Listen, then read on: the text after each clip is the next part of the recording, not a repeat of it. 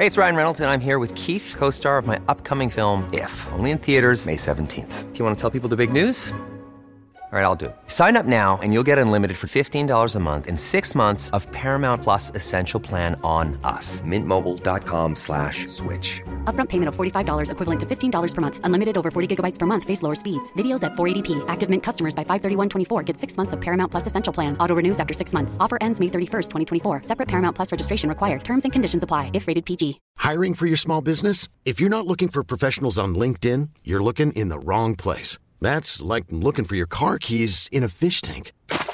LinkedIn helps you hire professionals you can't find anywhere else, even those who aren't actively searching for a new job but might be open to the perfect role. In a given month, over 70% of LinkedIn users don't even visit other leading job sites. So start looking in the right place. With LinkedIn, you can hire professionals like a professional. Post your free job on linkedin.com slash achieve today.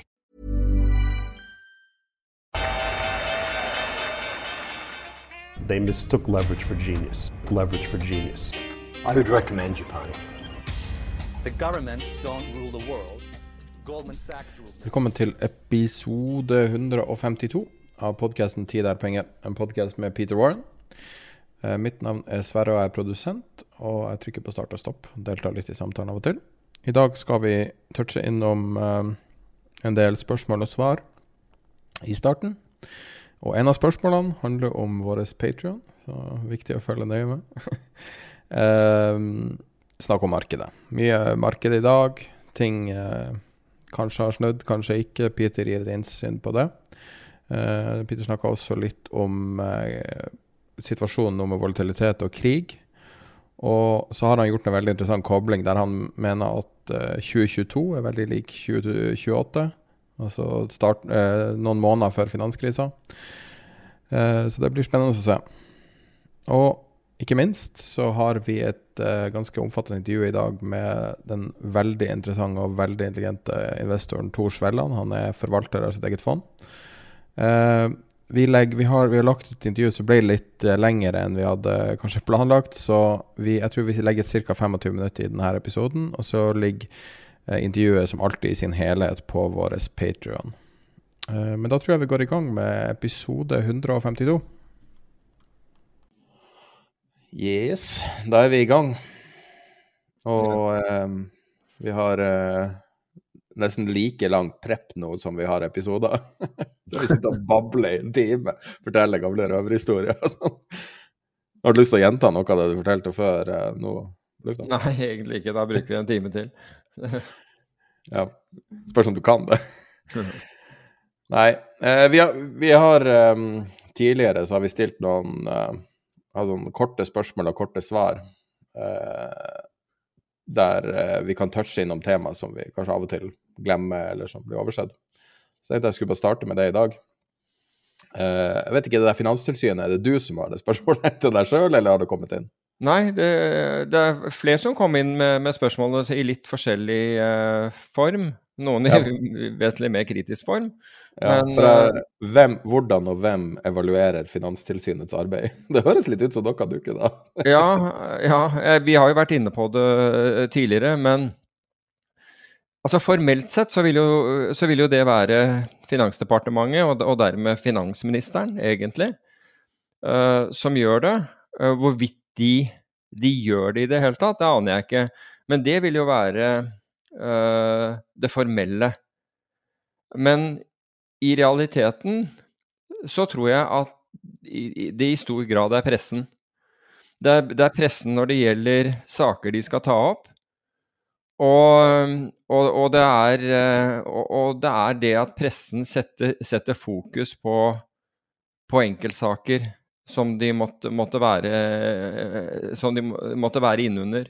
Og altså, jeg kan jo ikke noe Jeg kan ikke noe for å altså Hvis jeg bare trekker det i, i to setninger til Nå har vi vært i vitne, og fortsatt er helt sikkert vitne til denne, eh, denne Arctic, altså Arctic Securities i forhold til dette vindmølleselskapet som het NBT og nå het Emry.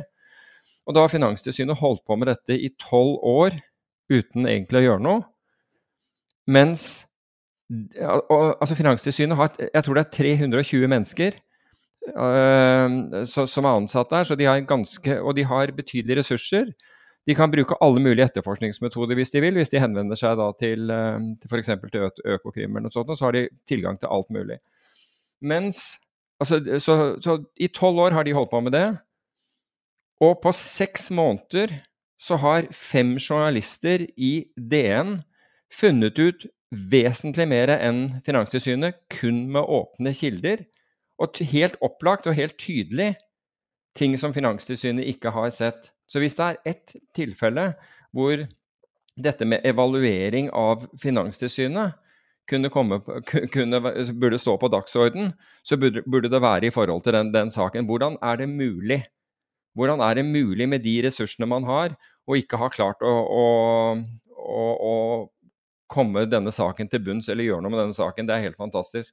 Men i hvert fall, Finansdepartementet er over. Og det vil si da at finansministeren er, er, på toppen av det. Og så kan du si at finanskomiteen i, uh, i Stortinget kunne jo sikkert stille spørsmål hvis, hvis, de hadde det. Så det er i hvert fall gangen. Et annet spørsmål som er veldig relevant for uh, egentlig hele podkasten. Så jeg vil oppfordre deg til å svare kort på det, og så kan vi heller komme tilbake på mhm. detaljer senere. Uh, er det verste over nå? Vi ser uh, masse tech-aksjer går til himmels, og du ser Tesla opp masse, du ser Arcar, vanvittig rekyl. Er det verste over nå? Jeg tviler på det, men, men for, å grunn, grunne i det, så trenger jeg mer tid, så da skal jeg heller få lov å komme tilbake til det. Men jeg tviler på det, fordi altså hvis du ser i et vanlig bear market, da, bare for å ta det, så er det jo veldig ofte at du får kraftige korreksjoner til oppsiden. Det så vi jo definitivt under finanskrisen. Um, uten at det hadde all verdens betydning. Men jeg skal heller grunngi det bedre når vi, når vi snakker om temaet etterpå. Ja, de sterkeste børsdagene prosentmessig i historien er jo ofte midt i krisa. Ja, Helt riktig. Så kommer et spørsmål som muligens en produsent har snekket inn her. Ikke helt sikker. Uh, hva er egentlig poenget med 1000-kronersnivået på Tider Pengers Patrion? Og det er fordi vi, fordi vi, følte at 10 000 kroner var litt mye. Nei, så vi, vi har, vi har laga eh, tre nivåer eh, som du kan uh, støtte podkasten og få tilgang til alt ekstramaterialet vi lager på på Patron. Eh, og så kan du velge sjøl hva du vil betale. Det vil kanskje differensieres litt over tid, men eh, fram til nå så har det vært eh, opp til deg, egentlig, hva du føler det er verdt. Og vi har enkelte som har vært med oss hele veien på 1000-kronersnivået, som er ganske utrolig å tenke på, egentlig. Og eh, i den forbindelse, da, så tror jeg vi kanskje skal gjøre noe for å forsvare det. Altså at det faktisk er en grunn til å være med der. Så hvis du har vært på vår Facebook-side eller vår chat, så har du kanskje sett det allerede, men vi har laga vår første, første, merch. Vår første merchandise. Jeg vet ikke om det er et godt norsk ord for det, men uh, stæsj. ting. Vi har laga noe med logoene våre på prøve. Og så var det det. Vi har fått utrolig mange forespørsler på å lage ting med logo på selge og alt mulig sånn. Så vi har eh, laga en prototype av eh, merchen, og ideen er da at vi skal gi det til alle som støtter oss på 1000 kroner på Patrion. Så eh, du har fått, du har fått en uh, sånn vest. Uh, og det er mulig at den går med som første, sånn, sånn special edition. mm. Med alle skavankene som følger med en prototype. Ja, jeg har ikke funnet noen. Jeg syns den er kjempefin. Jeg. Så. Ja. Swix-vesten. Jeg har litt sånn ambisjon om at Swix-vesten skal bli Norges svar på den der uh, Wall Street, Silicon Valley-uniformen med sånn uh, Patagonia-vester. Jeg syns det egner seg Jeg syns de er finere, de her Swix-vestene også. Jeg syns det var veldig behagelig å ha på seg. i hvert fall. Skal vi snakke litt om markedet? Det kan vi godt. Er det risk on nå? Jeg syns det virker som det er risk on. Jeg ser Tesla nå i dag eh, klare å trikse seg opp eh, 6% med å gjøre nok en aksjesplitt. Og ser arket opp eh, masse fra bunnen. Og det her er jo liksom sånn eh, Det er nok mange som lurer på om det her eh, er i ferd med å snu. Ja, altså i forrige uke så var det definitivt uh, uh, risk on. Og du har sett kryptovalutaer poppe opp, og, og, det er mye, mye, som har skjedd nå de, eh, ja, de siste hva skal jeg si, åtte-ni dagene. Så det er, det er, i hvert fall en kraftig korreksjon opp. krona er jo en ganske bra indikator. Jeg syns krona det har vært en sånn risk on, risk off. Krona har jo vært sterk i det siste også, så Ja, jeg tenker jo at det har mye med oljepris å gjøre også. fordi du kan si at kronen normalt sett svekker seg under, under uro. Men så, nå, men så, har du hatt motsatte, motsatte effekter ved at uh, Norge er så, er så, long, disse innsatsfaktorene som har gått. Og da tenker jeg på, uh, på fossilt drivstoff og, og, og kraft. Og, og, det har nok motvirket uh, dette ganske, ganske solid. Men det er, ikke, det er, ikke, gitt at vi ønsker en knallsterk krone oppi, oppi det hele heller. Men, men det har vært, ja, i hvert fall Euroen er godt under ti, og, og dollaren holder seg under ni. Så og har flørtet frem og eh, rundt ni, men er nå under. Så krone er Ja, det er helt riktig. Jeg tror det, jeg tror det er et eh, er at Ja, det ene er, som, som du påpeker, det er uh, tilsynelatende noe mindre uro. Um, og det andre er, er, de høye energiprisene. Eller de, det jeg nevnte. Ja, for vi hadde jo liksom Vi hadde jo en spesialepisode nå i, på fredagen på Patrion, uh, som vi snakka om eiendomsmarkedet. Uh, og i lys av renteavgjørelsene, og så har du jo f.eks. sånn som Bank of America, som uh, fikk mange til å sette kaffen i halsen, der de sier at det skal være 2,75 prosentpoeng økning på amerikanske sentralbanken resten av året. Og um, en rekke folk snakker om flere 50 basispunkter rentehevinger på rad, at det begynner å bli på en måte normalisert i, i diskursen. Mm. Um, det er litt spesielt at at det her nesten blir ignorert? Ja, jeg syns det. Og jeg syns også i forhold til Det var Thomas, en av, uh, av lytterne våre, som sendte meg en, en grafisk oversikt over uh, altså en korrelasjon mellom, mellom rentenivå og, og, inflasjon, altså sånn gjennom tid. Og, og det er jo helt klart at i forhold til prisstigningen så er jo rentene ekstremt lave. Det er ingen tvil om at de er det. Og dette bare nok en gang forteller deg at sentralbanker, og, og Federal Reserve spesielt, ikke er spesielt gode indikatorer på, eller gode til å forutse utvikling. Det har vi vært inne på før, men enda mer nå.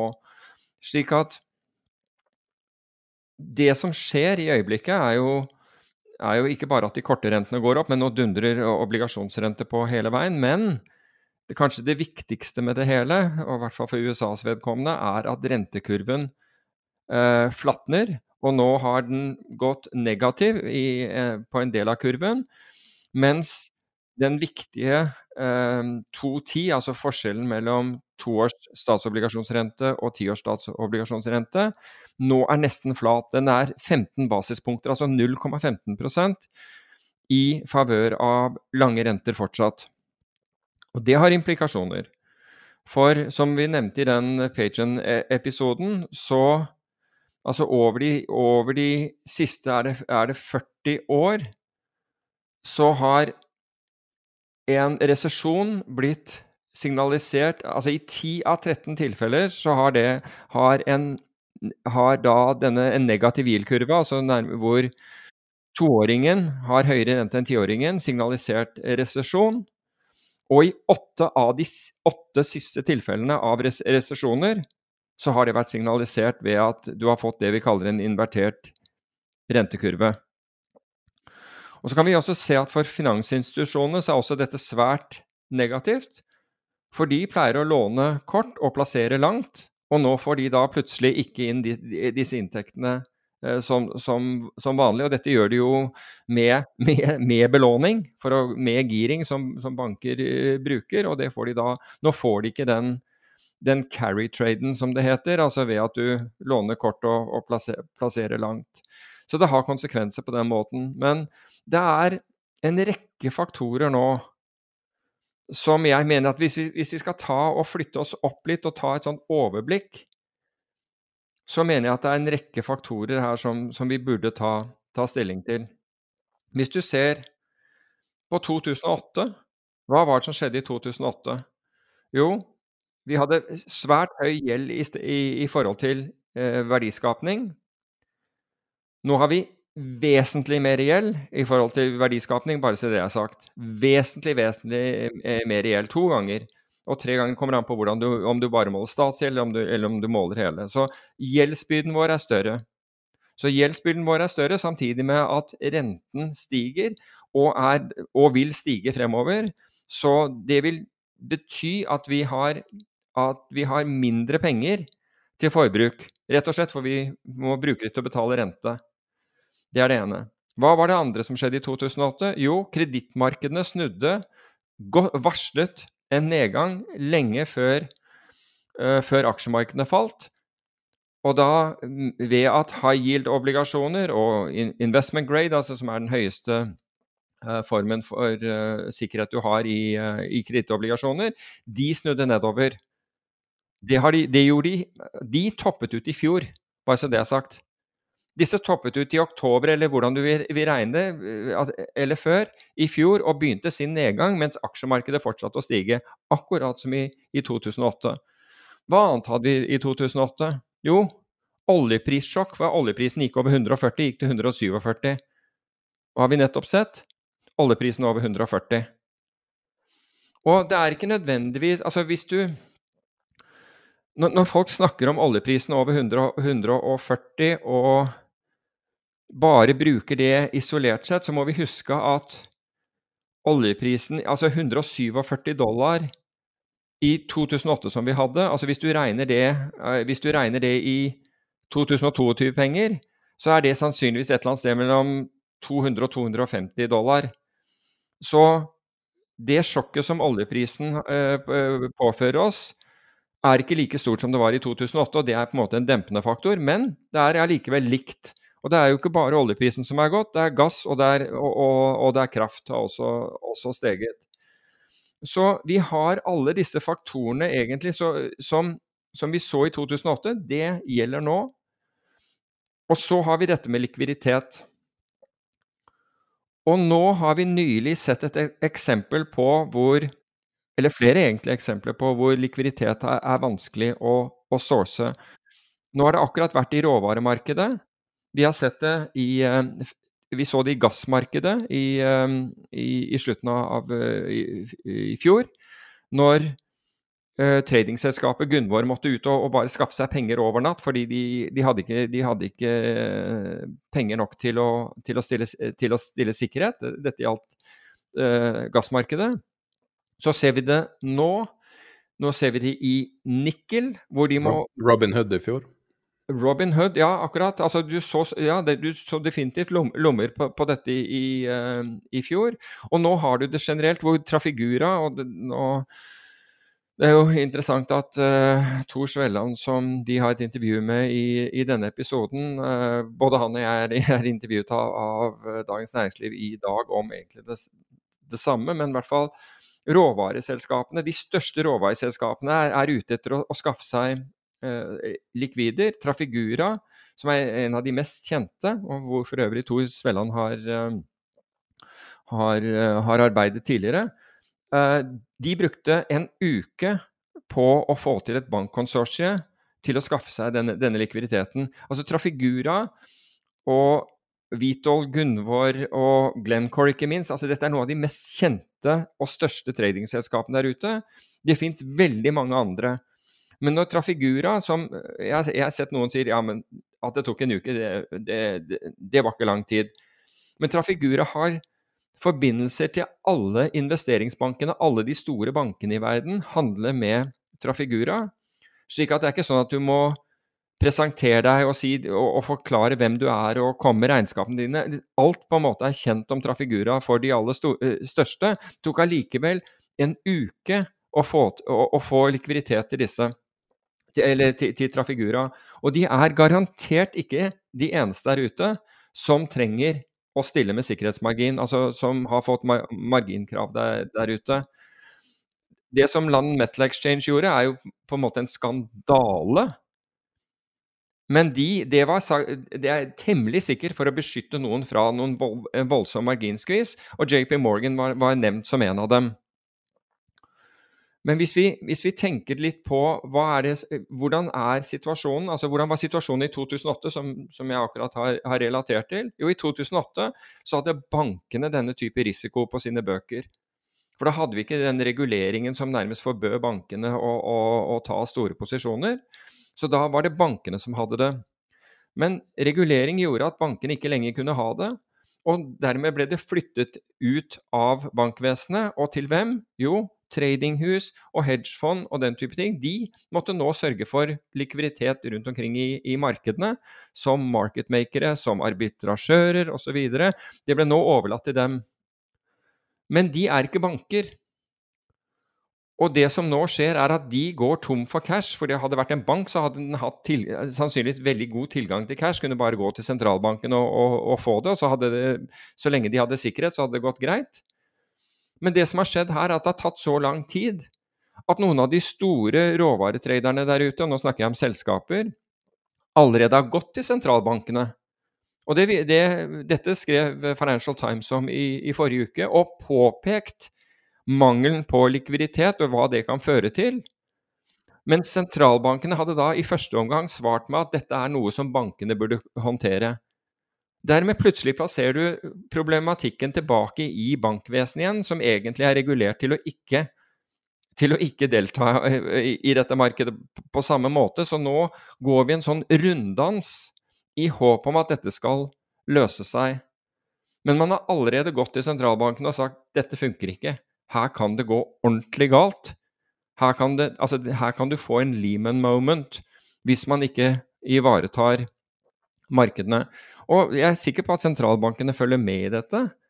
Men her er det et problem som på en måte ikke er kommet helt til over, overflaten, som man forsøker å løse.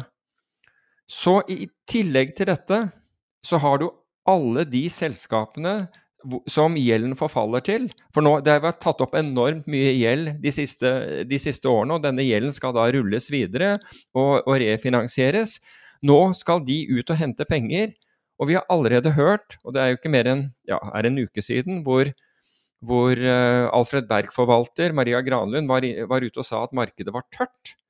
Det var veldig lite aktivitet i markedet, og det samme ser du i de internasjonale markedene. De er tørre, så Renten stiger, og likviditeten innskrenkes. Og det vil si at vi har fått helt andre, eh, helt, eh, helt nye uh, hva skal vi, Fiscal conditions, hva, hva nå enn det heter på norsk. Jeg tror det går an å si fiskale forhold. Ja, ok, fiskale forhold. Det bare hørtes så rart ut. Men greit at vi har fått helt andre forhold der ute, da. Slik at her er det ting som bobler under overflaten som jeg syns vi skal være oppmerksom på. Og nå er det jo slik at historien Det er jo ikke sånn at historien gjentar seg helt presis. Vi har sagt det før, Kjetil eh, Hatlebrekka har sagt det i, sin bok òg, men det er variasjoner av det forrige temaet.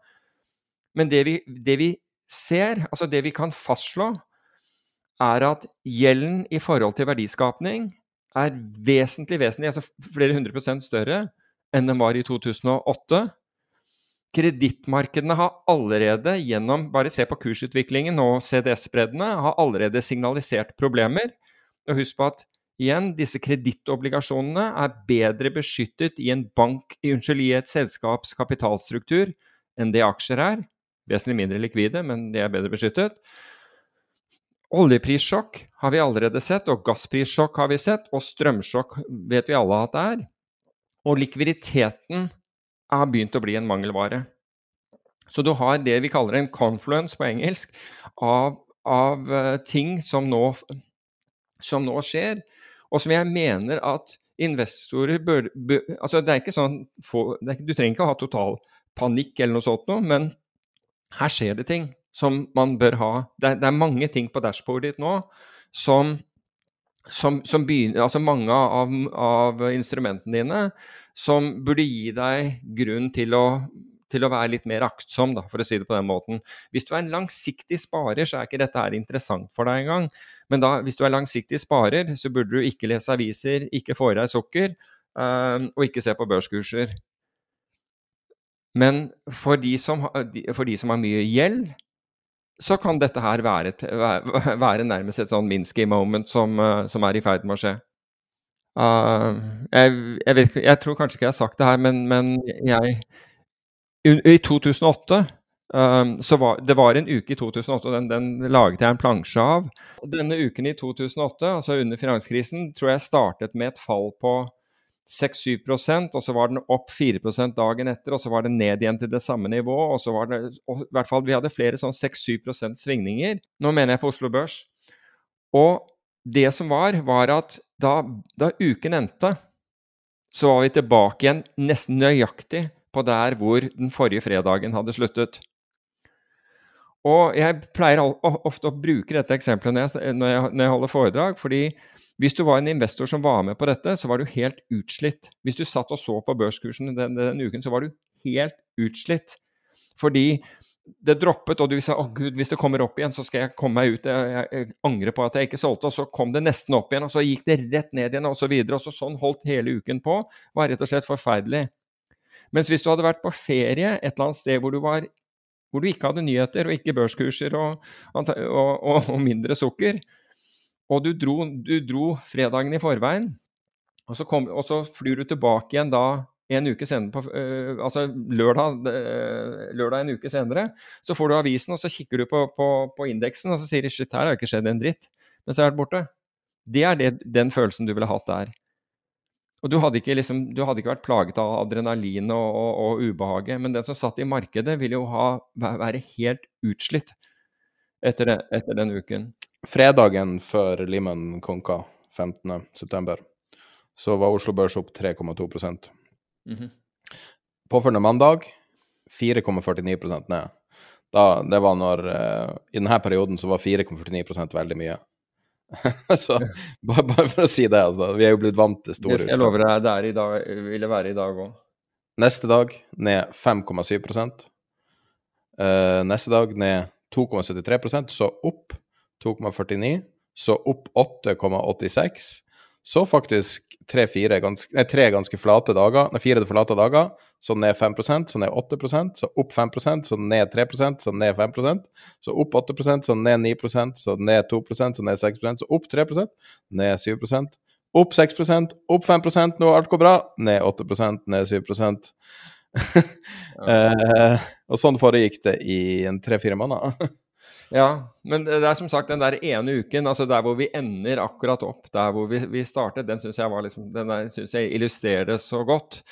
Fordi du har jo et helt annet altså, Hvis du er en langsiktig sparer, så skal du ikke drive og se på børskurser, og du skal ikke høre på nyheter, altså finansnyheter altså for, for, sparingen din. Du skal egentlig holde deg unna. Du skal ha en plan på forhånd, og så skal du følge den. Det er det jeg mener om det. Så, så derfor, når vi nå snakker om om disse, disse, faktorene som ligner på, på, på, 2008, så er ikke det noe som egentlig bekymrer den langsiktige sparer, bare så det er sagt. Eller bør bekymre. Med mindre man har lånt noe enormt og, og plassert uh, Du har lånt, lånt 80 eh, av, av porteføljen din. Belånt 80% av porteføljen din. Da, kanskje, da burde du kanskje tenke deg om. Ja, nei, det var, eh, det var en heftig tid, altså. Ja, det var en heftig tid, men, men hvis... Jeg vil ikke tilbake til 2008, for å si det sånn. Den nei, frykta den, der, altså. Den. Nei, den var, den var jo Og, du, det, det, som er nå, er jo at vi, vi, er vant til svingninger som er så små, ikke sant. Altså, vi blir Vi får overskrifter. Hva var det noen kalte det krakk en dag hvor det var 2% ned? Men det oppfattes som, som fryktelig. Altså Hvis du plutselig skulle få en 7 ned-dag nå, så, så, er det jo rent sånn katastrofe for de som er, de som er hardest belånt. Men det er ikke det jeg sier at vi skal få, det vil jeg bare si. Men det er jo indeksen, ikke sant. Så det du snakker om nå, er da skal Statoil falle 7% skal Apple falle 7 Fordi at de her selskapene, de her anførselstegn kvalitetsselskapene, er jo fortsatt relativt uberørt. Google er ned 2 på året. Ja, men apropos, apropos Statoil, jeg tror de heter Equinor nå, bare så det er, men i, i jeg gir meg aldri, det heter Statoil. I, I, forrige uke så tok min, min kvantitativt belastede kollega Eivind Tvilde kontakt med meg og sa at har du, har du sett at OBX-en er opp 7% Ja, selvfølgelig, jeg hadde sett det. Hvis du hadde tatt Equinor ut av OBX-en, så ville, ville indeksen ha vært og Flat flatt helt riktig vært null. Så det er ene og alene Equinor som gjør. Ene og alene, ikke sant? Så, og det er ganske interessant. altså det forteller deg også hvorfor du, du, skal ha en diversifisert portefølje også innenfor, innenfor uh, for aksjer. Men hvis jeg kan dra dette samtidig, altså hva betyr krig for, for aksjer og, og, volatilitet? Og her er det ganske interessant, for her er det en studie som nylig er gjort av The National Bureau of Economic Research. Som, den er på 32 sider for øvrig, tok litt tid å, å, å gå igjennom. Men den har sett hva skjer med volatilitet når det blir en krig. Blir det ekstremt vol volatilt i markedene? I aksjemarkedet. Og da har man tatt utgangspunkt i det amerikanske markedet. Og da er svaret nei, det gjør det ikke. Tvert imot. Volatiliteten faller med en tredjedel. Og det høres jo ganske ulogisk ut, men det fins forklaringer på det. Den ene forklaringen er at krigene som de har sett, og de, jeg husker ikke hvor langt tilbake i tid, men de gikk langt, de har sett på, ingen av dem var på amerikansk jord. Det andre var at, og her kommer det, dette med diversifiseringen, altså Hvis du ikke hadde energiaksjer i år, så var du ned. Det er helt klart. Hvis du ikke har hatt energiaksjer eller råvareaksjer i porteføljen din, så er du ned. Mens Det ser vi på de store indeksene, blant annet, eh, og vi ser det på de europeiske, men norske har der da tungt på, på energisiden og har nytt godt av det. Men så hva er det som har gjort det bra i, i disse tidene i USA? Jo, det er forsvarsindustrien. Der pumpes det penger inn i forsvarsindustrien. Og de har da steget Hver gang det smeller et eller annet sted, så stiger Så pumpes det penger inn fordi det, man bestiller alt fra M72 til, eh, til uh, F-35-er. Apropos det, F-35 fly og M72 er en uh, antitankvåpen, men apropos det Det har slått meg at denne, denne krigen altså Apropos i Ukraina, husker du da, den, da du hadde en seks mil lang kolonne med med militære kjøretøyer som, som sto i ukevis, eller i hvert fall godt over en uke. Tenk deg om USA hadde lånt ukrainerne en skvadron med A10-fly. Så hadde de Altså, hadde, den kolonnen hadde vært borte. Ja, det er det der Warthog, nei? Ja, Warthogen, ja. Som er en sånn close air support-fly. Det er en maskinkanon med vinger. Ja. som noen har putta vinger på.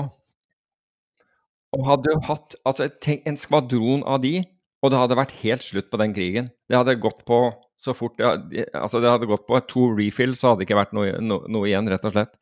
Men jeg, vet ikke, jeg begynner å lure på det her når du sier det, fordi at det vet jo alle at hvis USA virkelig vil, eh, med mindre det er da eh, terrorister på bakken som da ikke er avhengig av store våpen, sånn som russerne har, eh, men jeg lurer på om USA har en reell fiende i verden, egentlig, hvis du ser bort fra terroristene som helt åpenbart er en reell fiende.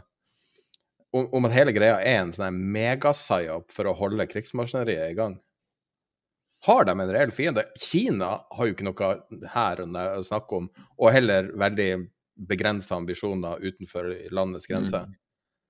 Det, med unntak av Taiwan og, og, og, det som skjer der, som sikkert ikke skjer lenger. Nå tenker, ha, du fordi, nå tenker, du fordi, Cheney og Rumsfeld kom fra forsvarsindustrien og hadde, og hadde bøttevis av aksjer i, eh, i, disse selskapene? Jeg skjønner at du spør. Ja, nei, altså det er bare Jeg tenker på USA lærte jo en lærepenge i andre verdenskrig som var krig er ekstremt bra for business. Mm. Og du hadde kombinasjonen med å bygge alle de våpnene til seg sjøl og alle andre land kombinert med Marshall-planen, er jo basically det som skapte moderne USA. Selvfølgelig vil de lære av det, ikke sant. Og på samme måte som at de er så opphengt i Iran. Uh, og jeg mistenker at, at det der gisseldramaet på uh, hadde 444 dager, eller hva det var. Som, eller 444 personer, et eller annet sånt. Uh, det som førte til at Reagan ble valgt, at det er en av grunnene til at de henger seg opp i, i Iran, at det funka så bra da. ja, det var vel mer at Carter feilet når det gjaldt å frigi dem, tenker jeg, men uh... Ja, men det jeg lurer på er Hvor reelt er det verdensbildet vi har, egentlig? Jeg, jeg vet ikke det. Det er litt above my pay grade, akkurat det der, men uh... Nei, jeg vet ikke. Jeg, jeg vet ikke. Poenget mitt er at uh, det skulle lite til for at, den, at det, der, den, det krigsmaskineriet stoppet opp fullstendig, men det ville kanskje ført til en uh, atomkrig, og det er vel, det er vel et dårlig dårlig alternativ, for å si det på den måten. Men uh, Altså, jeg, jeg, jeg vet rett og slett ikke, men Men du sammenligner med 2008, da. Hva tror du statsgjelda i USA var i 2008 på samme tid som nå?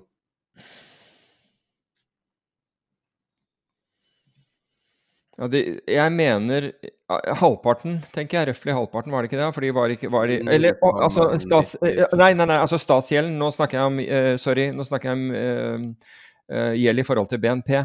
Ja. Hva du tror det var, da? Ja, da tipper jeg den var rett under 70 prosent. Statsgjeld, altså? Tror Jeg jeg. vet ikke om jeg har prosenten her 9,95 000 milliarder. Ok. Så én Og i dag er det 30,34. Mm. Tre ganger så mye. Så altså her er det mye gjeld som skal betjenes, men det er, jo, det er jo i det private også, ikke sant. Så det er ekstremt mye gjeld som skal eh, betjenes. Og, og med en, en saftig renteoppgang så er det klart at da blir ting dyrere. Det er ikke sikkert at eh, alle klarer å alle bedrifter klarer å flytte den kostnaden over på samfunnet.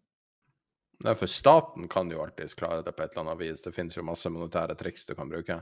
I USA, ja. Ja, så Absolutt. de er jo skyldig seg sjøl penger, så Ja, altså det er verre i Russland, for, for å si det på den måten, men uh, som da har, utla altså har utenlandsgjeld i dollar og så, og så videre. Men eh, Men du kan si alt dette går jo opp. Altså Alle disse kostnadene går opp nå. Og eh, når jeg ser at vi Og jeg forstår jo godt at Norges Bank hever renten, jeg har ikke noe problem med å forstå at man gjør det, men jeg har, jeg har et veldig stort problem med å forstå det i forhold til at finansministeren sier at, eh, at uh, de med lave og middels lønninger vil få uh, vil- få, få mer penger å rutte Altså vil, vi, de skal øke kjøpekraften. Det har, Vedum sagt. Han skal øke kjøpekraften til de med lave og middels lønninger. Jeg er ikke helt- sikker på hva middels lønninger betyr. Men bra, bra, eh, bra målsetting å ha. Men hvordan, man, hvordan han har tenkt å få det til med, med flere hundre prosent økning av, eh, av, eh, av i, i, i, strømutgifter. av 100% økning i driv, drivstoffutgifter og matvarepriser som er i ferd med å, ta fullstendig av. Det hørte vi senest uh, Magli Orkla snakke om på, på nyhetene i helgen. Det lurer på, det lurer jeg på. Det, det skulle jeg gjerne sett et svar på. Hvordan, hvordan har han tenkt å få til det? Det lover ikke godt, etter min Altså, alle beregninger jeg gjør, så lo, lover ikke det godt i det hele tatt. En annen ting som uh, var i 2008, som er nå, er jo når oljepris uh, uh, Reisen, kan man si, de siste to årene er jo helt utrolig. Fra negativ eh, 37 dollar til nesten høyeste pris noensinne.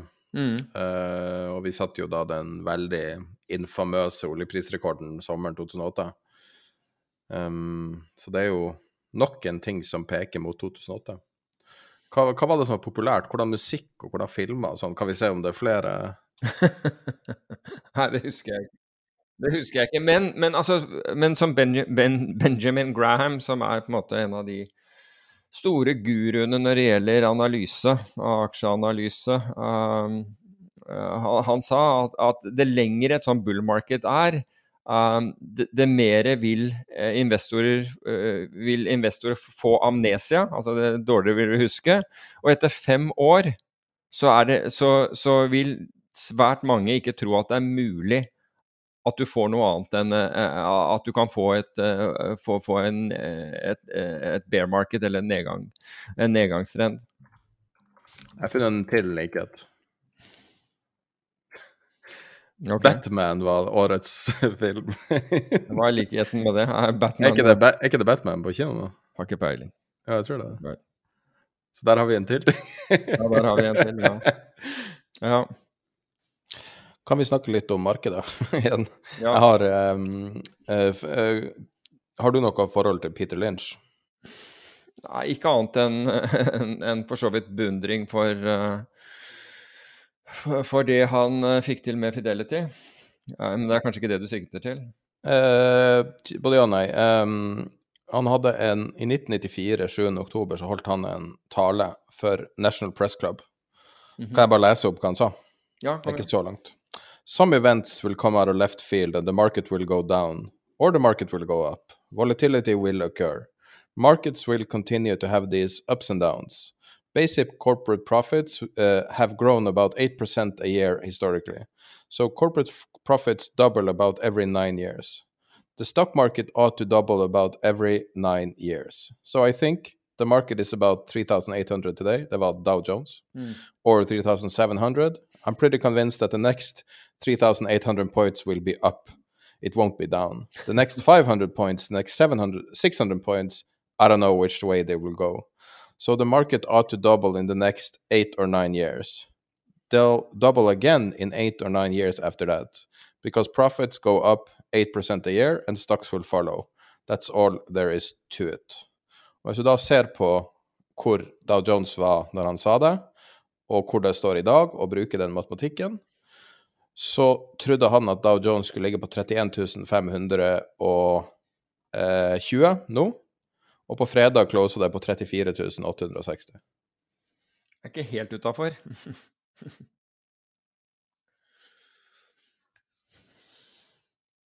Det er en smart fyr.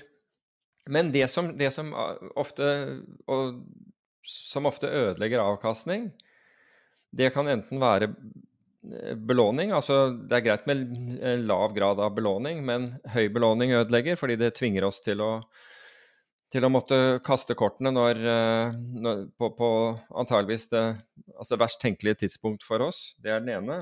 Og det andre er at man, man styrter inn i alle mulige produkter og istedenfor istedenfor f.eks. da at man sitter i, i, ehm, i Altså hvis, hvis, man har, har et langt perspektiv, sitter i f.eks. indeksfond og, noe annet. og Wisdom Tree, som er da en svær amerikansk forvalter, har nå klart å, å, å, å få noe, måtte legge ned noen produkter igjen. altså De har gått til null. Enda en gang. Um, de gjorde, jeg tror det var i fjor, i karbonmarkedet. Da hadde de et, et produkt som da, som da, gikk over ende og ble, ble, lagt ned. Selvfølgelig et sånn giret produkt. Og gjett hva de hadde nå nylig? Jo, de hadde long og short giret nikkelprodukt. Hvorav begge er nå satt til null. Begge. Altså først var det oppgangen som tok livet av short-produktet. Og så tok den påfølgende nedgangen livet av long-produktet. Og dette er, liksom stor, altså dette er en stor aktør, og det holder stadig på. Og ja Jeg, jeg blir liksom Jeg bare rister på hodet av dette her, altså. Men jeg er så redd for, for eh, sertifikat og NFT og alle de markedene der, når ting virkelig begynner å koke. For det har Altså, vi hadde, vi hadde jo tiltagende fullblodskrise i, i koronatida, der vi mm. fikk kanskje det nærmeste innblikket der. Når krona begynner å på en måte prises på helt sånne absurde ting, da føler du at nå er det virkelig ekte. Så vi har liksom ikke sett en, en ordentlig smell med denne strukturen vi har i markedet, en indeksifisering av markedet. Og alle de hundretusenvis av ETF-ene som er der ute. Det er jo flere ETF-er enn det er aksjer. Og ja, men no, altså noen ETF-er tenker jeg kan Altså, jeg er mer redd for ETN-er enn jeg er redd for ETF-er. Når jeg sier ETF, så er det bare Altså, da, da dekker det sertifikat og ETN og alle ting. Altså, jeg, okay. jeg kaller det bare ETF-er for enkelhets skyld. Uh, men det jeg mener, er indeksifiseringa generelt, som er et vedvarende problem, som har vært et tidevann for alle på veien opp. Uh, det at folk har kjøpt QQQ uh, eh, i stedet for å kjøpe Apple. Så så har QQQ heva hele Nasdaq. Eh, fordi at mm. på, på, grunn av veldig stort volum inn, eh, så har eh, du fått en sånn kunstig etterspørsel etter enkelte aksjer, og så har ting blitt kronisk overpriser, som har manifestert seg i hele markedet, helt ned til, til startup-nivå. Og nå er du på startup-nivå, så er det nesten umulig å få finansiering på noe akkurat i dag. og jeg hører at enkelte marker har tørka helt inn, det er full stopp. Og, og det, er liksom, det er normalt, det er sånn det skal være. Men spørsmålet er da, når du begynner å gå oppover i verdikjeden, og du har de her strukturene som, har, som må selge, ikke dem som ønsker å selge, eller dem som må selge, og så må alle selge samtidig. Og når 150, 200, 300 ETF-er eller diverse produkter eier eh, f.eks. Tesla-aksjer, hvordan vil det se ut i ei krise? Jeg vet ikke om vi har noe begrep om det engang. Altså det, det, det, som er til forskjell, bare for, bare for å ta det altså ETF-er i forhold til f.eks. For ETN-er og, og, og, sertifikater og disse tingene du, du nevner. Fordelen ETF-ene har, er at de handles på en børs, og hvem som helst kan stille opp og, og handle det. Um, det er jo når det gjelder en del av de andre, så, så, må du tilbake til den som har utstedt dem, sånn som Wisdom Tree, eh, som jeg nevnte. Det, det er det eneste du kan handle med, og du, du, får ikke omsatt det ellers. Og da har du et problem. fordi hvis, hvis den finansaktøren får et problem, så, så, stiller de plutselig ikke pris, eller prisene blir forferdelig dårlige. Når det gjelder ETF-er, så kan du jo argumentere at i kriser så f.eks. high yield, da. Og det så vi i 2002, hvor det markedet ikke Det fantes ikke kjøpere i obligasjonene, men hvor high yield-ETF-en fortsatte å handle, og den handlet Den var ganske likvid. Men den handlet Altså, jeg så den 7% under, under nivåene på aksjen, aksjene. Unnskyld, under nivåene på, på de underliggende obligasjonene. Det kan, kan være at det handlet enda lenger. Men poenget mitt er at du kunne egentlig ikke Altså, prisene på obligasjonene var, var en illusjon, akkurat som det var i 2008. Og i, det, i dette tilfellet så vil jeg jo påstå at ETF-ene viste hvor det riktige markedet var, og gjorde det mulig fordi, altså de gjorde det mulig for folk å, å komme ut. Ja, du tok en, du tok en beating, du, du tapte i forhold til um, i, i, forhold til obligasjonen, men du kom ikke ut av obligasjonene likevel. Så det, så det var bare en illusjon. Mens de som ønsket å komme inn altså der, der når, når, meglerapparatet på en måte oppgir teoretiske verdier, og det gjøres her i Norge også, fordi det er Oslo Bond Pricing som setter en eller annen verdi som du ikke har noen som helst garanti at du får, får handlet til. Tvert imot. Det er veldig små sjanser at du klarer å handle til den, i hvert fall i en stresset situasjon. Så ga så ville ETF-en være mye bedre å kjøpe. For der fikk du rabatten, der kom du deg inn, altså, istedenfor at du betalte opp til, til, en sånn teoretisk pris som ikke var reell. Stakkarene som gjorde det, betalte jo eh, vesentlig over markedskurs. Så jeg, altså, jeg er helt enig med deg. Det er, det er, veldig mye produkter der ute som man bør se, på, se nøye på før man, man går inn i. Men det er veldig interessant det du sa om ETF-er og ETN-er. det har jeg aldri tenkt på. Jeg gikk tilbake og så på de eh, på måte, mest profilerte kollapsene, VX6 og XIV, og jeg trodde det var den underliggende strukturen som var problemet, som det sikkert var. Men det er påfallende begge er ETN, da. Det har jeg ikke tenkt på. Ja, det, det er veldig, ETN, veldig bra poeng. Og der har Kreditt Suisse i den andre enden, og Kreditt Suisse fikk problemer, og bang. Ja, for jeg trodde at, uh, at du måtte Altså, du må jo marketmake det uansett. Det var det, så jeg antok at det ikke var en forskjell, fordi det må jo marketmakes og og man uh, Ja, men du, altså, du, du, vet jo hva som skjer med market... Hvis du har én marketmaker, og det blir et problem, så det første som skjer, er at du, du får ingen konkurranse. Marketmakeren stiller dritt brede priser, vanvittig brede priser. Det er det første som skjer, og, og deretter så kan du risikere at marketmakeren ikke stiller priser. Men hvis du har konkurrerende, som du har f.eks. i, i en ETF, hvor du har haugevis av marketmakere, og, og, du og jeg kan delta hvis vi ønsker, hvis vi syns noe er billig eller dyrt, så kan du og jeg delta også, og alle andre som, som Jeg har aldri hørt noen gjøre det poenget før. Det var veldig innsiktsfullt. Jeg tenker på GLD f.eks., som er en veldig fungerende CTF. Da er det mm. det som er en av årsakene. Ja, var, du, har massevis av marketmakere der, og alle som driver i gullmarkedet er jo på en måte, følger jo også med på GLD for å, for å se om, om, det er noe arbitrasje mellom GLD og f.eks. future-kontraktene, eller GLD og fysisk gull. Det vil jo arbitrasjører gå, gå, på med en gang. Og der har du de, de store gutta i, i gaten, J. Aaron-typer og, og, og, så videre. Kan også være trafigurer av den gjengen der. Så, um, så, så, igjen så handler det om å, å, å, kunne det produktet og vite hva, hva som skjer i det, det produktet. Og der syns jeg også at kunnskapen er er ganske mangelfull. Fordi, og det ser jeg i diskusjoner med noen når, når de tar kontakt om det om for, forskjellige sånne produkter.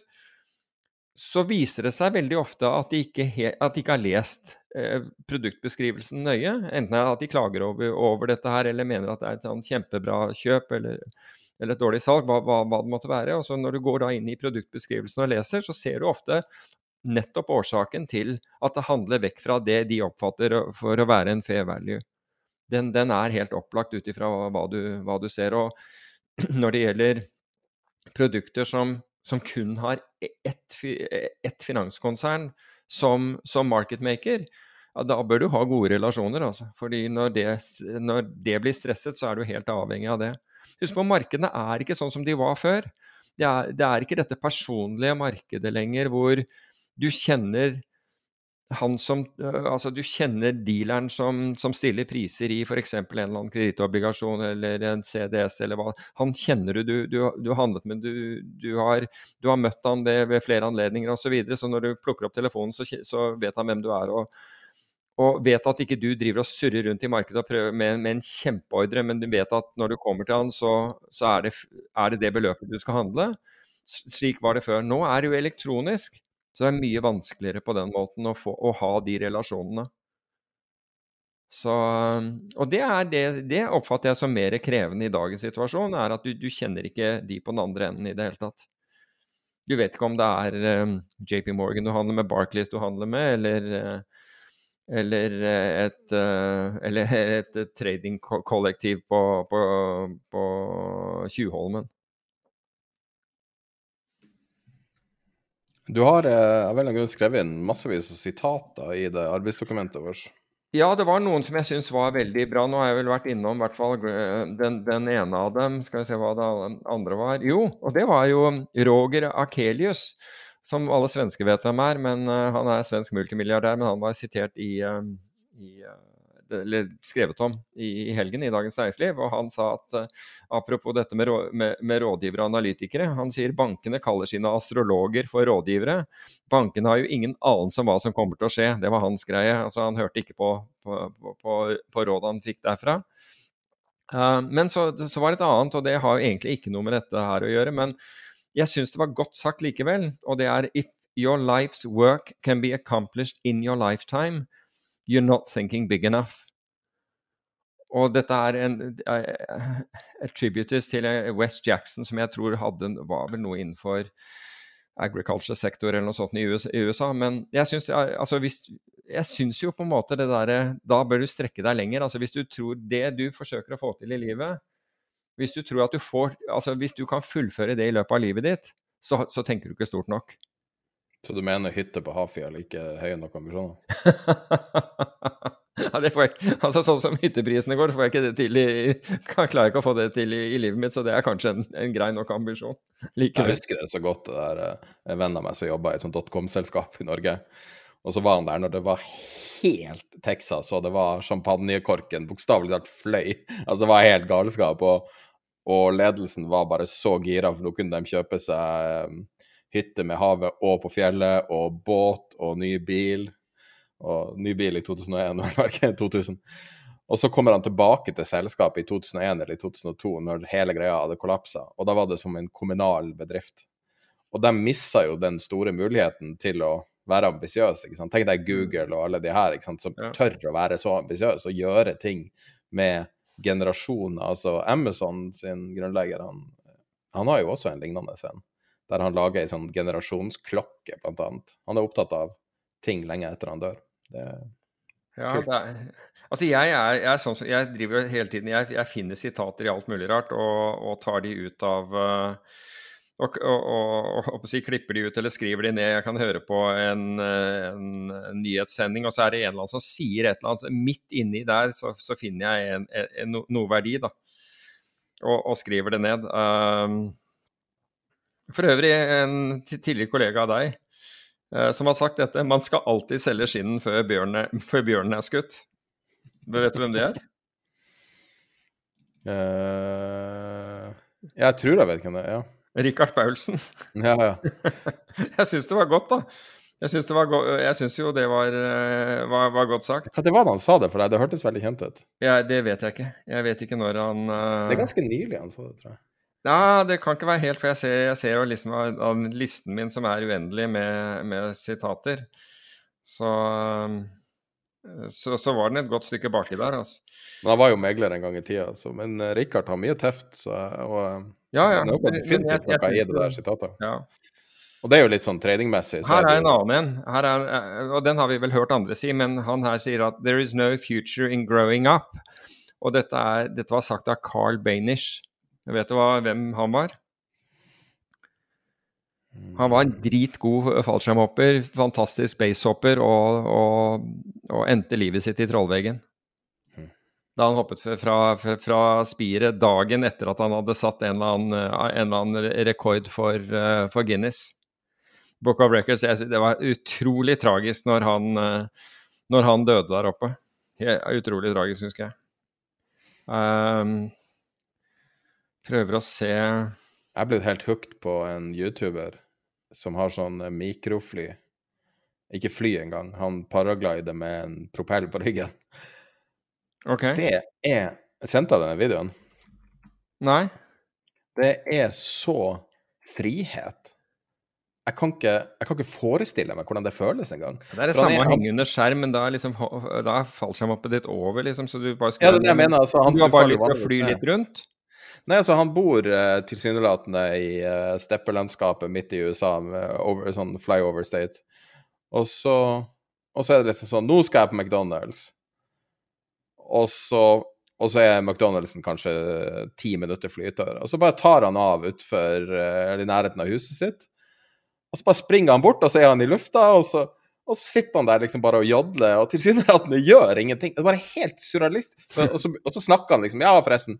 Og så flyr han opp til 11 000 fot og sånn. Og så er Der det bare burde, sånn der burde han ikke være, for det er jo kontrollert luftrom. så helst Nei, han flyr lovlig, han flyr lovlig, men okay. altså, han flyr der det er åpent. Det er enkelte soner du kan fly i. Og så bare sånn Hvordan klarer du å forholde deg til den fryktfølelsen? Fordi at turbulens kan jo få en sånn skjerm til å kollapse. Ja, men du har nok en reserve med deg. De fleste har det.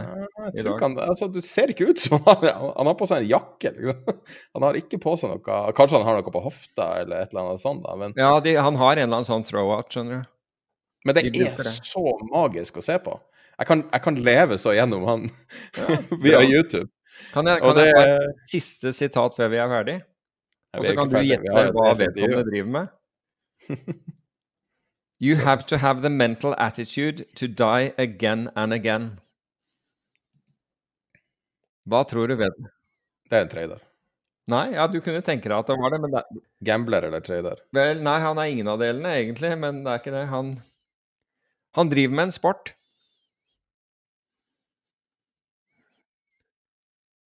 Han driver med big wave surfing, og det er Gareth McNamara som har sagt det. Og han er, er en legende innenfor det. Og har sett han wipe ut, så er det helt sjukt. Er det de folkene på dem som bruker sånn, eh, sånn, sånn vannskuter for å komme opp på bølgene? Riktig, de drar til Nazaré i Portugal. Det er så sykt. Altså. Ja, det er sykt. Altså, der skal jeg en gang. Altså. Men altså, det, jeg skal ikke prøve meg på big wave surfing, men eh, det der har Du skal ligge på stranda og drikke deg full og se på? Nei, altså, det, nei, altså Nei, jeg skal jeg stå på klippen og se på, fordi eh, dette er jo på De er der på Det er jo fortsatt vinter, vel, her når dette foregår for alvor. Ja. Jeg tror, det er, eh, jeg tror sesongen der ender en eller annen gang i mars, men det der er helt sykt å se på. Helt sykt. Det der har jeg lyst til å oppleve. Men som spectator og ikke, ikke deltaker. Det der eh, Men paragliding, det Du kommer ganske nært eh, den fryktfølelsen. Jeg faller tilbake på det. Du har jo så mye erfaring med hopping og alt. Eh, Jeg har vært i paraglider én gang, og det føles jo som å bli løfta av Gud, liksom. Jeg skjønner. Men, men for for fallskjermhoppere så er jo på en måte hoppet ferdig idet du har løst ut skjermen. Da er det egentlig bare snakk om å komme deg ned til bakken. Um, så da er liksom hele greia ferdig, så Men jeg, over Grenland spesielt, der er det Altså Geiteryggen flyplass, der, den ligger på en høyde, og der er det noe ordentlig funky vinder. Og der, jeg, der opplevde jeg skjermkollaps, ordentlig skjermkollaps en gang. Sånn at hele skjermen altså bare, du vet, Skjermen går ut som, er litt som en sånn trekkspill, en firkantskjerm. Den bare gikk rett sammen til en liten bylt. Hva du gjør da? Ingenting, bare håper at den kommer ut. Altså drar i, i bakre risere altså, for å prøve å få endret uh, angrepsvinkelen i håp om at luft skal komme inn i cellene. Og det gjorde altså det, Så åpnet den seg igjen, og så skjedde det en gang til. Og da var det så jeg akkurat kom over skogen og inn på, inn på selve flyplassområdet. Men da hadde jeg fått nok for dagen, det skal jeg love deg. Da og det var også et, Jeg mener også at det var et sandtak eller et eller annet sånt i nærheten her, så du fikk noe sånne enorm termikk enkelte steder. Og bare ah. dro deg av gårde. Jeg har, hatt, jeg har hatt noe forferdelig altså sånn der hvor jeg nesten har lovet at jeg aldri skal gå opp mer noen sånne turer. Jeg hadde det også et eller annet sted i, i Sverige nord for Stockholm. Vi fløy vel en time nord for Stockholm å hoppe på et eller annet felt pga. det var en øvelse i, akkurat på den flyplassen vi skulle være på. Og der var det så jævlige forhold. Det var helt grusomt. Altså, jeg, der hadde jeg også skjermkollaps.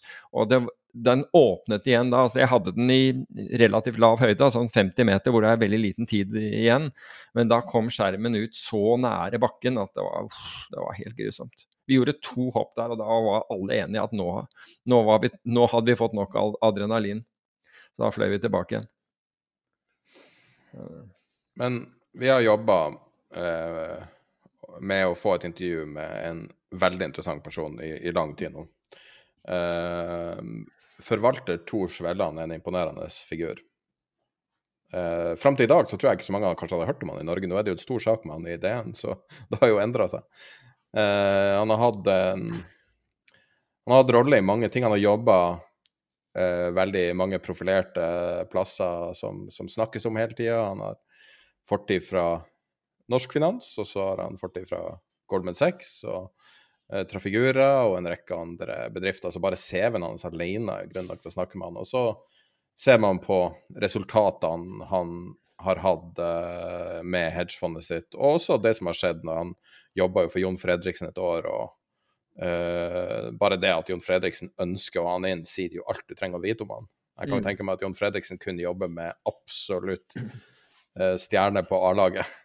Og um, så har vi et, et etisk problemstilling, da, og det har vi diskutert i forkanten. Det er da fordi at du er investert i hans fond.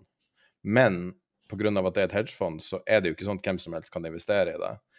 Og uansett at det ikke er lov å reklamere for hedgefond i Norge, så at vi forteller at du er investert i fondet, har ingenting å gjøre med intervjuet. Nei, eh, altså, det, ikke, det, har ingenting med hvor, hvorfor, eh, hvorfor, vi har han som, som gjest i det, i, i det, hele tatt. Og det er på ingen måte promotering, og du kan sannsynligvis ikke investere i det heller, fordi det er forbeholdt profesjonelle investorer i Norge. Ja. Men, men, det jeg vil si, da, altså fordi i og med at jeg har, har erfaring eh, med ham, på, på, på, den måten, det er at når, når, det butter og går vanskelig, så er han en veldig righteous guy. Det vil jeg si. Han, eh, han, eh, han er veldig ordentlig, uh, også når han har motgang. Mm. Han har godt rykte, og det er mange som ikke har det i, i denne bransjen. Så ja, det bare det i seg sjøl er jo imponerende, så mm. at han, folk snakker varmt på ham. Da tror jeg vi starter samtalen jeg hadde med Tor Svelland i forrige uke.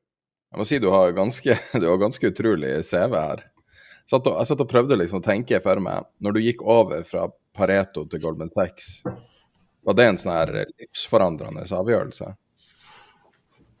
Nei, Det som eh, egentlig skjedde, var at eh, jeg ble tilbudt Jeg Var i prosessen å få jobb hos Goldman eh, i 2009.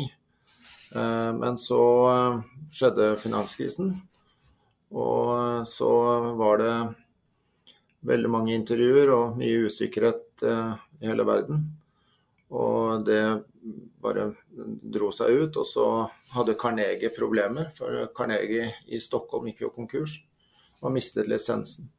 Så det var det litt vanskelig å fortsette å jobbe med future-handel, hvor, hvor Carnegie skal være motpart. Så det var nesten umulig å fortsette. Så selv om jeg trivdes veldig godt, så ble det mer naturlig da å, å flytte over til uh, til Pareto. Og så kom denne Alt i orden med Goldman til slutt, og så jointa de i 2010. Hvordan er denne overgangen å gå fra norsk finans Vi har jo hørt mye om hvordan amerikanere ser på norsk finans i, i mer eller mindre fordelaktig lys. Og um, hvordan, hvordan, er den overgangen når du, når du møter altså, Jeg vil tro to forskjellige kulturer? Ja, det som er det spektakulære med Goldman, det er at eh, alle som eh, jobber der, er eh, veldig flinke, veldig velutdannet. Og det er en, en stor stolthet av å jobbe i systemet. Så det er de, Du føler liksom at alle er veldig profesjonelle, og du Hvis du går inn i et møte, bare som et eksempel, så er det sånn at hvis det sitter da åtte eller ti eller tolv mennesker der, så er det ikke sånn at man, noen sitter og, og breier seg ut eller sånt. Og de vil være veldig, veldig forsiktige, for det er ingen som egentlig helt vet hvem som sitter rundt bordet. Og selv om eh, det er ikke alltid titler sier alt, og da er det bare viktig å, å være presis og klar og si det du har å si, og ikke si mer enn det du burde. og, og, det var kanskje den store forandringen. I, I, Oslo så er det sånn at de fleste kjenner hverandre og kjenner litt uh, hver enkels historie. Mens der så vet du ingenting om noen. Så bare på den oljedesken hvor jeg var, så var det av de 14 så var det én kineser, to pakistanere. Eh, det var en eh, del engelske, så var det noen amerikanere, og så var det én norsk. Det er ikke mange Hvor du holdt til? Det var, det var i London, ja. Det var i London. Så jeg tenker på hvor mange nordmenn som har eh, kommet seg til Wall Street kan telle det på kanskje, kanskje, to hender, som jeg vet om. Det er sikkert mange flere, men uh, som har kommet seg opp og fram. Noen i Morgan Stanley og selvfølgelig uh, visse forvaltere med helt enorme, helt enorme formuer og, og forvaltningskapital. Men, men, det er en uvanlig vei å ta. Mm. Ja, var, der, på propp-siden så har det vært veldig få norske i Goldman-systemet. Det har vært eh, noen kanskje flere på salgssiden og på, på IB-siden, men eh, men det er veldig få. Så vi hadde vel én gathering mens jeg var der de fire årene. Og jeg tror vi ikke var mer enn 10-12 stykker i helsesystemet. Wow. Av de 9000 ansatte som er i, i London. Det er liksom så mye ting med CV-en din. Det er ikke meninga å henge meg opp i CV-en din, men den forteller på en måte en historie. Og så litt det jeg leste i avisa om uh, når du gikk over til Sea Tankers. Det er mange folk som har vist tillit til deg opp gjennom årene. Og når jeg ser på resultatene, nå, jeg fikk tilgang på uh, den siste rapporten og jeg begynner jo å skjønne det. Altså. Det er ikke for å kisse ass, liksom, men, men, det er, men det er oppriktig uvanlig imponerende tall du hadde på, uh, på fondet ditt. da. Um, hvordan, hvordan, endte du opp å gå fra altså selvfølgelig prop trading til forvaltning er kanskje ikke så lang vei, men hvordan går den overgangen likevel? Forvaltning er jo en, et fag i aller høyeste grad.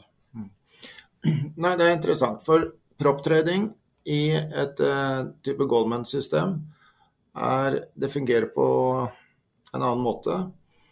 Det er at uh, man uh, Det er mange som tar posisjoner på vegne av, av banken, og man trader egentlig veldig fritt. Men i så sitter det noen på toppen som ser all, totalporteføljen. Sånn at eh, hvis det, det, blir for mye konsentrert risk et sted, så vil man reagere. Men det skjer veldig sjelden. Um, og det er vilje til å ta veldig høy sving eh, i PNL-ene, og det eh, gjør at man kan eh, håndtere de fleste situasjoner. Og det, med, det, som er styrken i et sånt system, er at det, det er hvordan du håndterer eh, når man taper penger. Det, er, eh, det å trykke på panikknappen i de systemene, det, det finnes nesten ikke.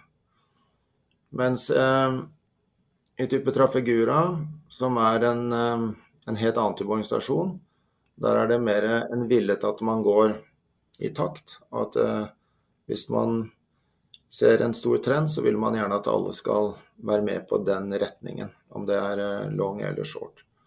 Når man trader fond, så er alt annerledes. Man lever liksom fra måned til måned, som er litt trist, men det er nå bare sånn verden er skrudd sammen på fondsiden. Man må performe hele tiden.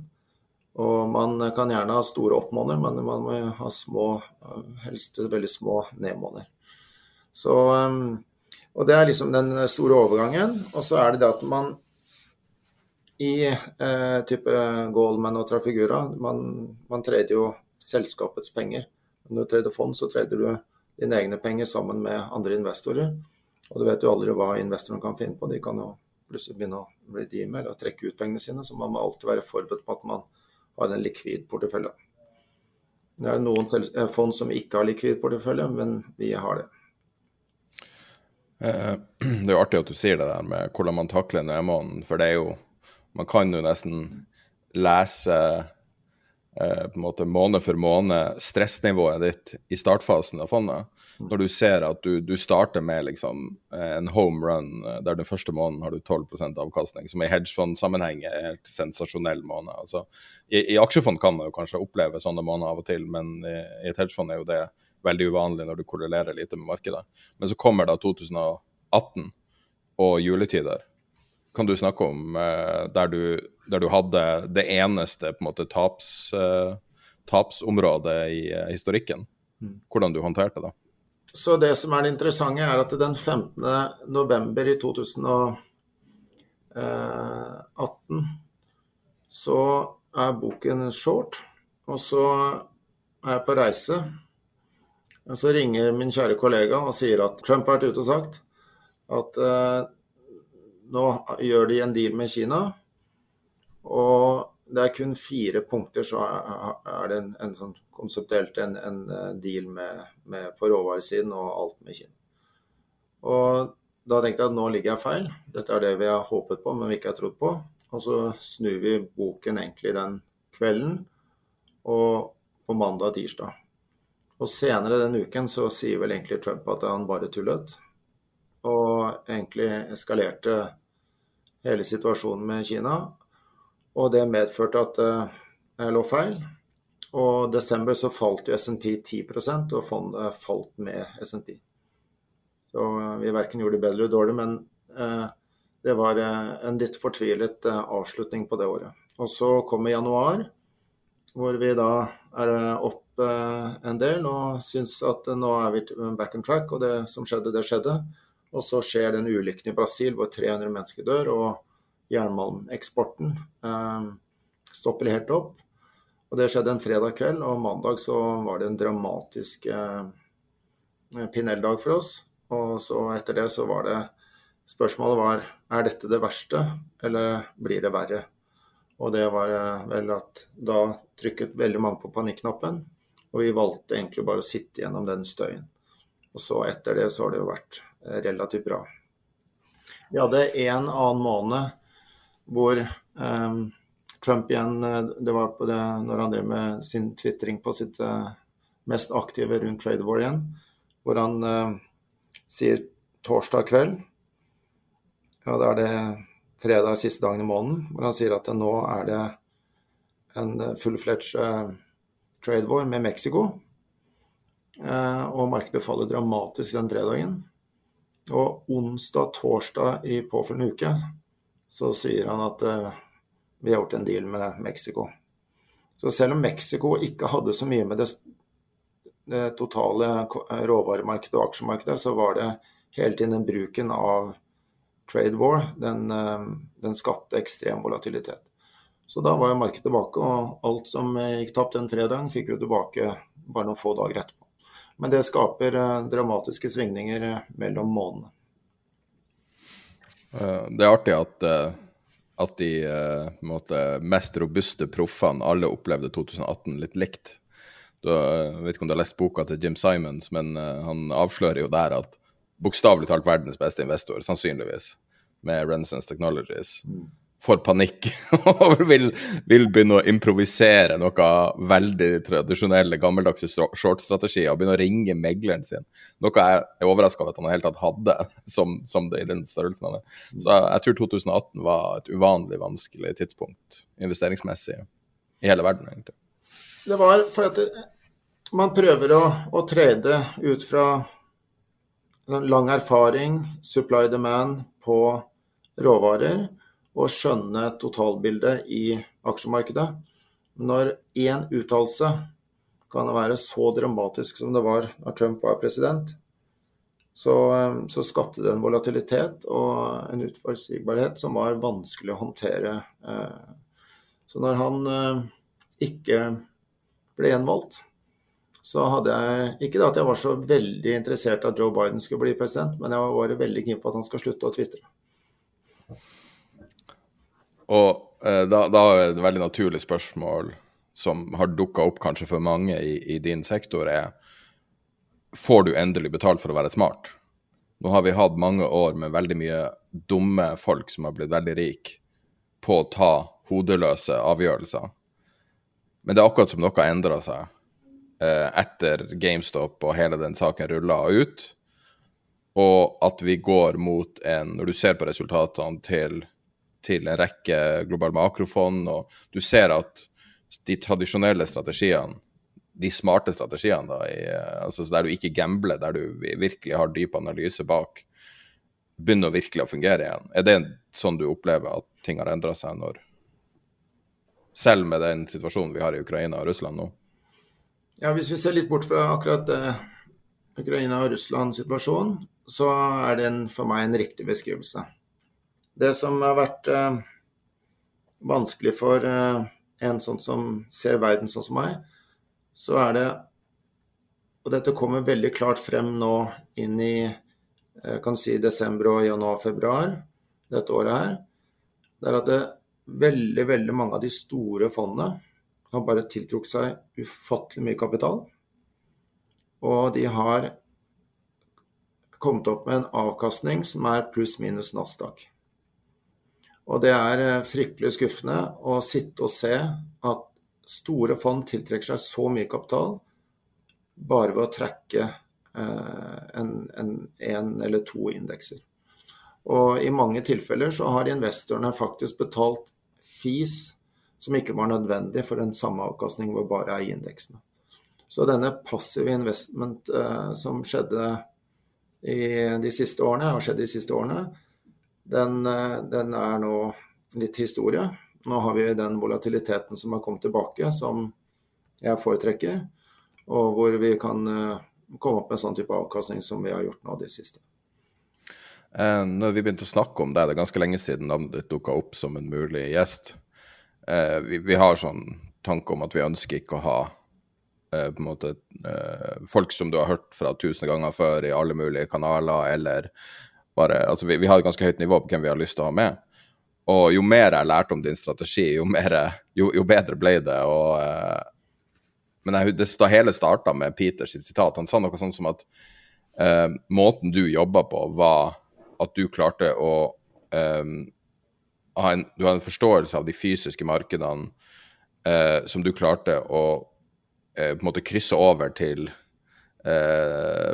andre markeder og, for å finne underpriser i selskaper. Det er litt sånn dårlig måte å beskrive det på. Men syns du det er en fin måte å beskrive sånn du jobber på? Ja, det er det. Og vi bruker mye tid på å forstå hver enkelt råvare som vi treder. Vi, vi treder ikke alle råvarer. Vi treder liksom Hoved er olje, det er jernmalm, aluminium, kopper, eh, gull. Og så er det noen Vi har vært litt innom nikkel og sånn, og, og, og gass. Men vi, vi, går ikke inn på type sølv. Vi går ikke inn på eh, noe som har med, med eggs, altså som er soybeans og wheat etc. Så vi holder oss veldig til det vi gjør. Vi trader heller ikke kull, f.eks. Det står vi også utenfor, for der må du være veldig på innsiden. Så når man forstår supply demand av disse produktene, så er det mange store selskaper som er basert på, som er, altså, det er de driver med.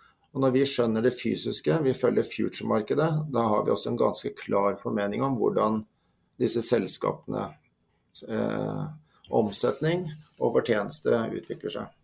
Så vi kan veldig mange av innsatsfaktorene til hver av disse selskapene. Så hvis du tar f.eks. Hydro som et eksempel, så gjennom karrieren så har jeg jobbet mye med boksit, caustic soda og alumina, som er alle de tre hovedråvarene som de bruker for å produsere aluminium. Og når du kan alle de tre, så har du også en formening om hvordan Hydro gjør det. Og så kan du tro eller ikke tro på eh, en positiv prisutvikling på aluminium, men med den innsatsfaktoren så, så følger du ganske godt med. Det samme blir det for type Vale i Brasil, som er et stort selskap som er innenfor mining og er, produserer og, og, selger veldig mye jernmalm. Og da ser du Hvis jernmalmprisen er bra, så har de også en formening om hvordan de kommer til å gjøre det fremover. Så ser vi på, på volumet de, de skiper, og, og deres produksjon, og hva de guider. Og Da får man et bilde av det. Så ser man liksom hva er det Kinas situasjon her. Hva er stålmarkedet, hva er lagersituasjonen på jernmalm? Og så sammenligne med det med hva som skjer i Australia. Da får man en eh, brukbar formening om hva som skjer i tørrlastmarkedet, hva som skjer i jernmalmprisen, hva som skjer med utviklingen av Hvale, Vale, Rio Tinto etc. Hva er de store trendene på de her råvarene? Jeg har veldig lyst til å spørre deg om nikkel nå, men jeg vet ikke om du har en formening mellom meg og nikkel? Nei, altså Det som er gjengangeren, ikke bare på commodity-siden, men også shipping-siden, er at det har vært ikke investert nok siden 2014. Eh, jeg vil si at olje var 2014-2015, hvor det ble redusert investeringer. Og egentlig vært lite investert til eh, kanskje nå, hvor den begynner å øke på et eller annet tidspunkt. På, på jernmalm, kull eh, og alle andre metaller så har det vært veldig lite investert siden 2016. Q1 16 var vel det som kan sies var eh, det laveste. Og etter det så har det vært veldig lite eh, villighet fra markedet å investere. Og så Derfor har man hatt en hyggelig reise, f.eks. jernmalm, som har gått fra Den gangen så lå det vel på rundt 30 dollar. Og så tolv måneder ut så lå det 5-6 dollar lavere. Og break-even lå eh, på rundt 30. Da. Så, eh, og de fleste mining- og stålselskaper var vel mer eller mindre konkurs i Q1 og Q2 2016. Så, så er det sånn at eh, når ESG kom inn i 18-19 inn i markedet og begynte å bli en, en, faktor for hvordan man skulle vurdere investeringer, så ble det jo enda mindre vilje til å investere i råvarer. Og da har de bare strupet hele supply-siden enda mer. Og nå sitter vi da i en situasjon hvor det egentlig er shorters av alle disse varene. Alle råvarene. Så du sitter på en måte på motsatt side av en ESG-trade, nesten? Ja, det er jo litt sånn uh, pussig at vi skal uh, kalle den andre siden av en ESG, fordi uh, alle vil ha mer batterier. Alle vil ha en elektrifisering av, av markedet. Men vi trenger råvarer for å lage batteriene. Og det er der det har vært en eh, Ikke en misforståelse, men det har vært en, en eh, interessant å observere at eh, alle ville ha elektriske biler, men ingen vil ha at vi skal finne kopper, kobolt og kanskje bruke nikkel som et eksempel. Ja, har, altså Jeg må nesten spørre, fordi at når i alle dager har man brydd seg om nikkel noen gang i historien? Det har jo aldri vært et tema annet enn å snakke om den byen i Russland. Men, eh, men det har jo vært en høy dramatikk, og skulle tro at uh, Jeg ser AQR har vært ufattelig negativ, veldig offentlig veldig negativ uh, av det LMI eh, gjorde. Og eh, nå har jeg Det var vel snakk om noe sånn som 10 000 trader som ble nulla ut. og ganske unprecedented ting som skjer. Hva er ditt syn på saken, og ikke minst var du i den traden den dagen? Ja, Vi var ikke den traden, men det er eh, litt mer tilfeldig. Vi, kunne, vi har vært long copper, men vi kunne ha vært long nikkel. Det er eh, nesten litt sånn tilfeldig. Eh, supply demand på nikkel har vært veldig, veldig stramt. Og bruken av nikkel inn i batterier den har vært økende. Og jeg tror den kommer til å være fallende på kobolt, men eh, kobolt er veldig vanskelig å trade. Det er veldig lite marked. Så, men på nikkelsiden så har det vært eh, bygd seg opp. Um, og så blir det alltid sånn det er med råvarer. At hvis det er de som har store fysiske posisjoner, ønsker å hedge seg, så må de selge den finansielle Altså det de selger, er den finansielle leggen. Og, og så kommer det en sell-off i, i Nasdaq i desember og januar. Og det kommer veldig mye penger fra value-aksjer inn i, i, growth. Og når det skjer, så bare blir det så tight. Det blir så mange mennesker og så mye kapital som skal inn i et veldig lite marked. Og da får du liksom at det, det er helt ute av system.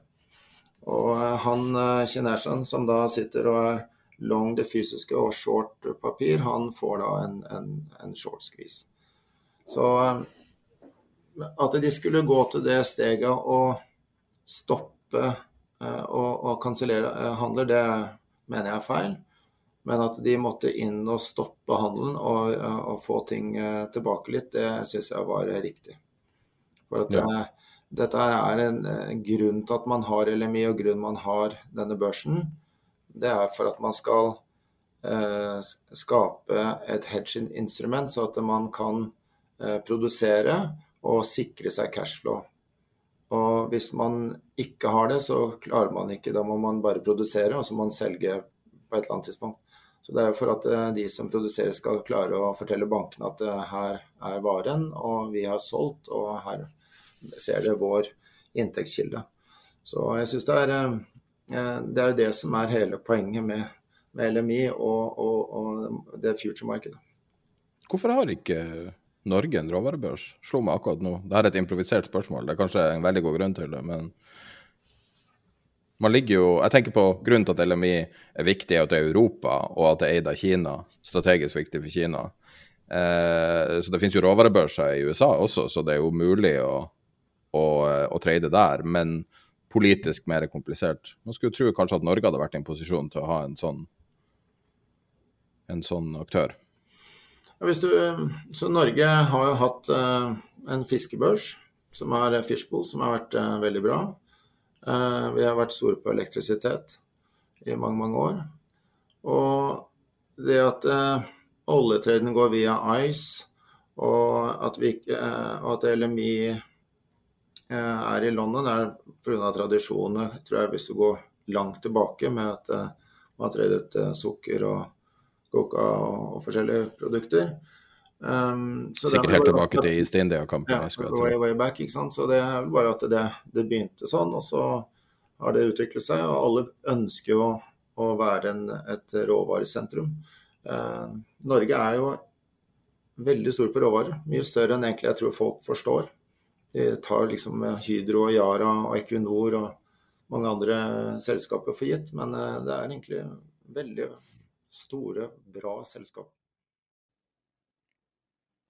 Ja, da er vi ferdig med denne episoden og ferdig med samtalen med Sørland. Vi, vi, vi hadde jeg tror det var nesten en times lang samtale, men vi, vi, har ikke mulighet til å legge hele episoden. Men vi legger hele ut i den episoden som legges ut på Patrion. Hvis du vil høre slutten av samtalen, så eh, kan du eh, gå inn på www.tiderpenger.no patreon og signe opp der. Eh, og hvis du går på det 1000-kronernivået, får du også en tilsendt en sånn vest. Jeg tror vi kanskje er ferdig for denne uka. Skulle vi eh, få det for oss, så kommer det kanskje en ekstra episode med Patrion denne uka. Ikke noe helt umiddelbare planer, men det kan godt være. Vi lager ting når det egner seg for å lage det. Supert. Men da runder vi av denne episoden, og vi er tilbake om ei uke eller før hvis noe skal skje. OK, ha det bra.